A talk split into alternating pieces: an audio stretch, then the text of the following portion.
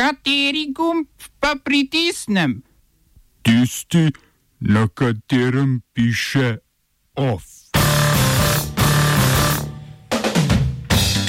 OPEC in Rusija dosegla dogovor o zmanjšanju proizvodnje nafte.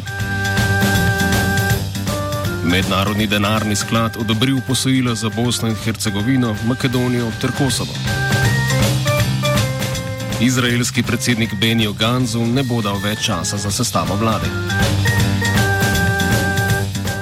V kulturnih novicah Jezusovega ostajenja ni preprečila niti korona.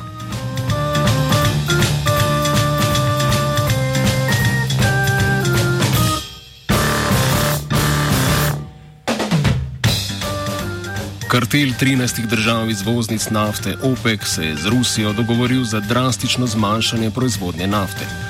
Z majem in junijem se bo dogovorjena proizvodnja v teh državah tako zmanjšala za 9,7 milijona sočkov na dan, kar je skoraj 10 odstotkov svetovne proizvodnje. Skupaj z zmanjšanjem proizvodnje zunaj teh držav pa naj bi na trg zaradi nizkih cen do poletja na dan prišlo kar petina manj nafte kot danes. Poraz proizvodnje v Saudski Arabiji in Rusiji, ki se bojujeta za tržni delež, in hkratni padec porabe zaradi ukrepov ob pandemiji koronavirusa so povzročili zelo velike viške nafte na trgu in padec cen na najvišjo raven v več kot 15 letih. Da bi pomagal domači naftni industriji, je za dogovor o zmanjšanju proizvodnje močno lobiral tudi ameriški predsednik Donald Trump. Ameriška naftna industrija je zaradi teže dostopnih najdišč, najdišč pri današnjih cenah nafte nekonkurenčna Rusiji in zalivskim državam, zato je Washington močo, močno pritisnil predvsem na zaveznike v Rijadu, naj pristanejo na zmanjšanje črpanja.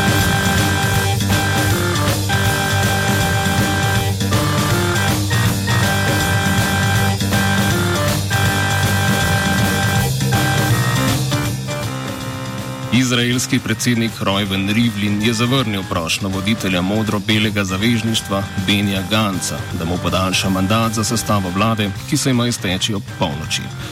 Ganc je očitno obupal nad tem, da bi uspel prepričati svojega največjega političnega rivala Benjamina Netanjahuja, da se mu pridruži v vladi pod njegovim vodstvom in naj bi o poročanju izraelskih medijev poskušal z Netanjahujem doseči dogovor, po katerem bo vlada velike koalicije najprej za določen čas vodil Netanjahu, ki bi na to Gancu predal premijski stavček. Na že tretjih volitvah v enem letu, ki so potekale v začetku marca, je sicer največ glasov prejela Netanjahujeva desna stranka Likud, a razdelitev sedežev v Knesetu še vedno ne omogoča sestave koalicije, ne da bi ena stranka stopila v zavezništvo z priseženimi političnimi nasprotniki.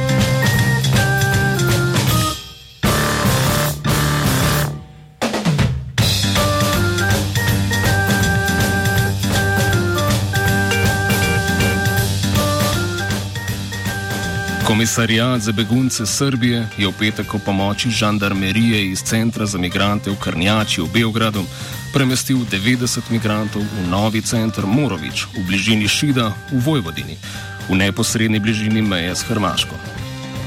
Pri izbiranju beguncev določenih za premestitev je prišlo do spopadov s policijo, ki je po poročanju nevladne organizacije Transbalkanska solidarnost pretepala ljudi s pendreki uporabili pa so tudi sozivec. V Krnjači je sicer nameščenih nekaj več kot 800 beguncev, večinoma družin, center pa je zaradi epidemije že več tednov v karanteni. Vsi izhodi so zato prepovedani, območje varuje tudi vojska.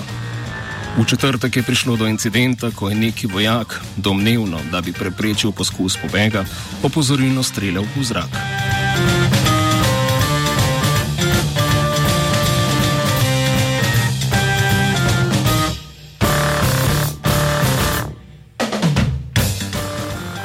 Mednarodni denarni sklad, bolje znan pod angliško kratico IMF, je Bosni in Hercegovini odobril 330 milijonov evrov težko posojilo, s katerim naj bi državi pomagal v času krize, ki jo je povzročil koronavirus.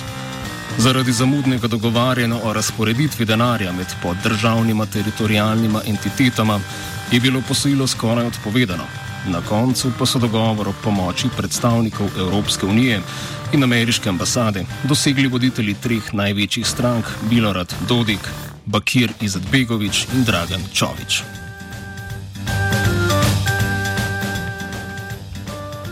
38 odstotkov IMF-ovega posojila bo tako dobila Republika Srpska, 62 odstotkov pa Federacija Bosne in Hercegovine, od česar bo polovica šla v proračun same federacije, polovica pa v njene kantone.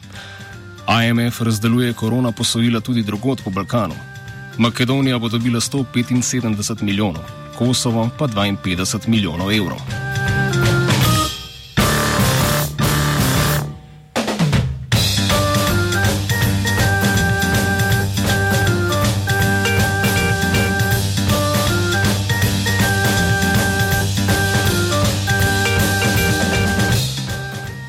Mednarodni denarni sklad med pandemijo koronavirusa doživlja pravo renesanso svoje vloge, še posebno med državami globalnega juga. V državah Latinske Amerike je za pomoč v višini nekaj več kot 4 milijarde evrov IMF zaprosilo 14 držav. Sklad se prav tako pogaja o skoraj 4 milijardnem posojilu Indiji, Pakistan pa je zaprosil za nekaj več kot milijardo evrov pomoči. Pomoč IMF-a je zavrnila Turčija. Turški predsednik Recep Tayyip Erdoğan ima z IMF sicer slabe izkušnje, saj je v prihodu na čelo vlade leta 2002 podedoval posojila sklada skupaj s predpisanim programom reform. Od takrat je Erdoğan večkrat povedal, da Turčija nikoli več ne bo stopila v program IMF-a. Turško gospodarstvo sta poleg standardnih ukrepov zaradi epidemije močno prizadela tudi umikanje tujega kapitala in padanje vrednosti valute, zaradi česar so se posojila države in podjetij najeta v tujini precej podražila. Oba, če, če bom odgovoril na angliški.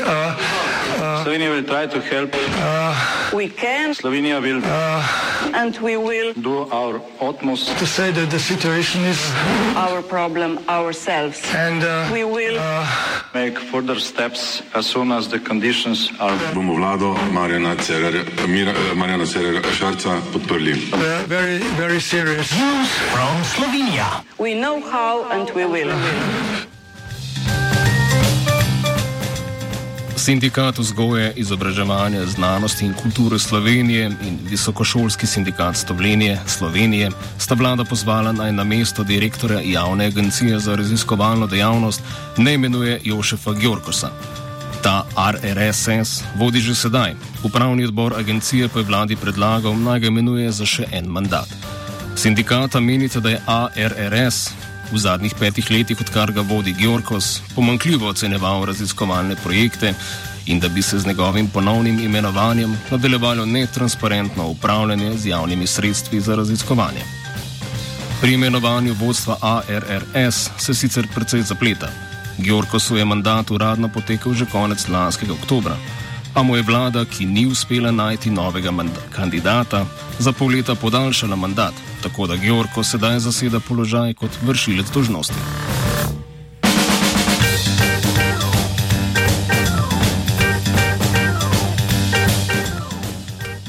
Notranje politični konec tedna je poživila politična izvedba igre Klu, v kateri se je iskalo avtore depeše o udbo-mafijski peti koloni v slovenskih medijih. Javno si odgovornost pripisal urad vlade za komuniciranje, Njen vodja Uroš Urbanija pa je za delo povedal, da po njegovem mnenju ministr za zunanje zadeve Anžel Logar z vsebino depeše ni bil seznanjen. Prav tako naj ne bi o njej vedel nič premijer Janez Janša. V temi tava je tudi koalicijski partnerji. Oglasila se je predvsem prvakinja Desosa Aleksandra Pivec, ki je povedala, da si želi, da vlada ne bi odpirala ideoloških tem, primer katerih je očitno omenjena depeša, v ostalih potezah vlade pa pivec očitno ne vidi ideološkosti. O storilcih ugiba tudi predsednik republike Borod Pahor, ki se je v izjavi za RTV Slovenija spraševal, ali ne gre morda za spodrslaj vladnega uradnika, proti kateremu bo premije primerno ukrepal. V parlamentu so se problema lotili sistematično in temeljito, zato bosta sklicana dva parlamentarna odbora, odbor za kulturo in odbor za zonanje politiko.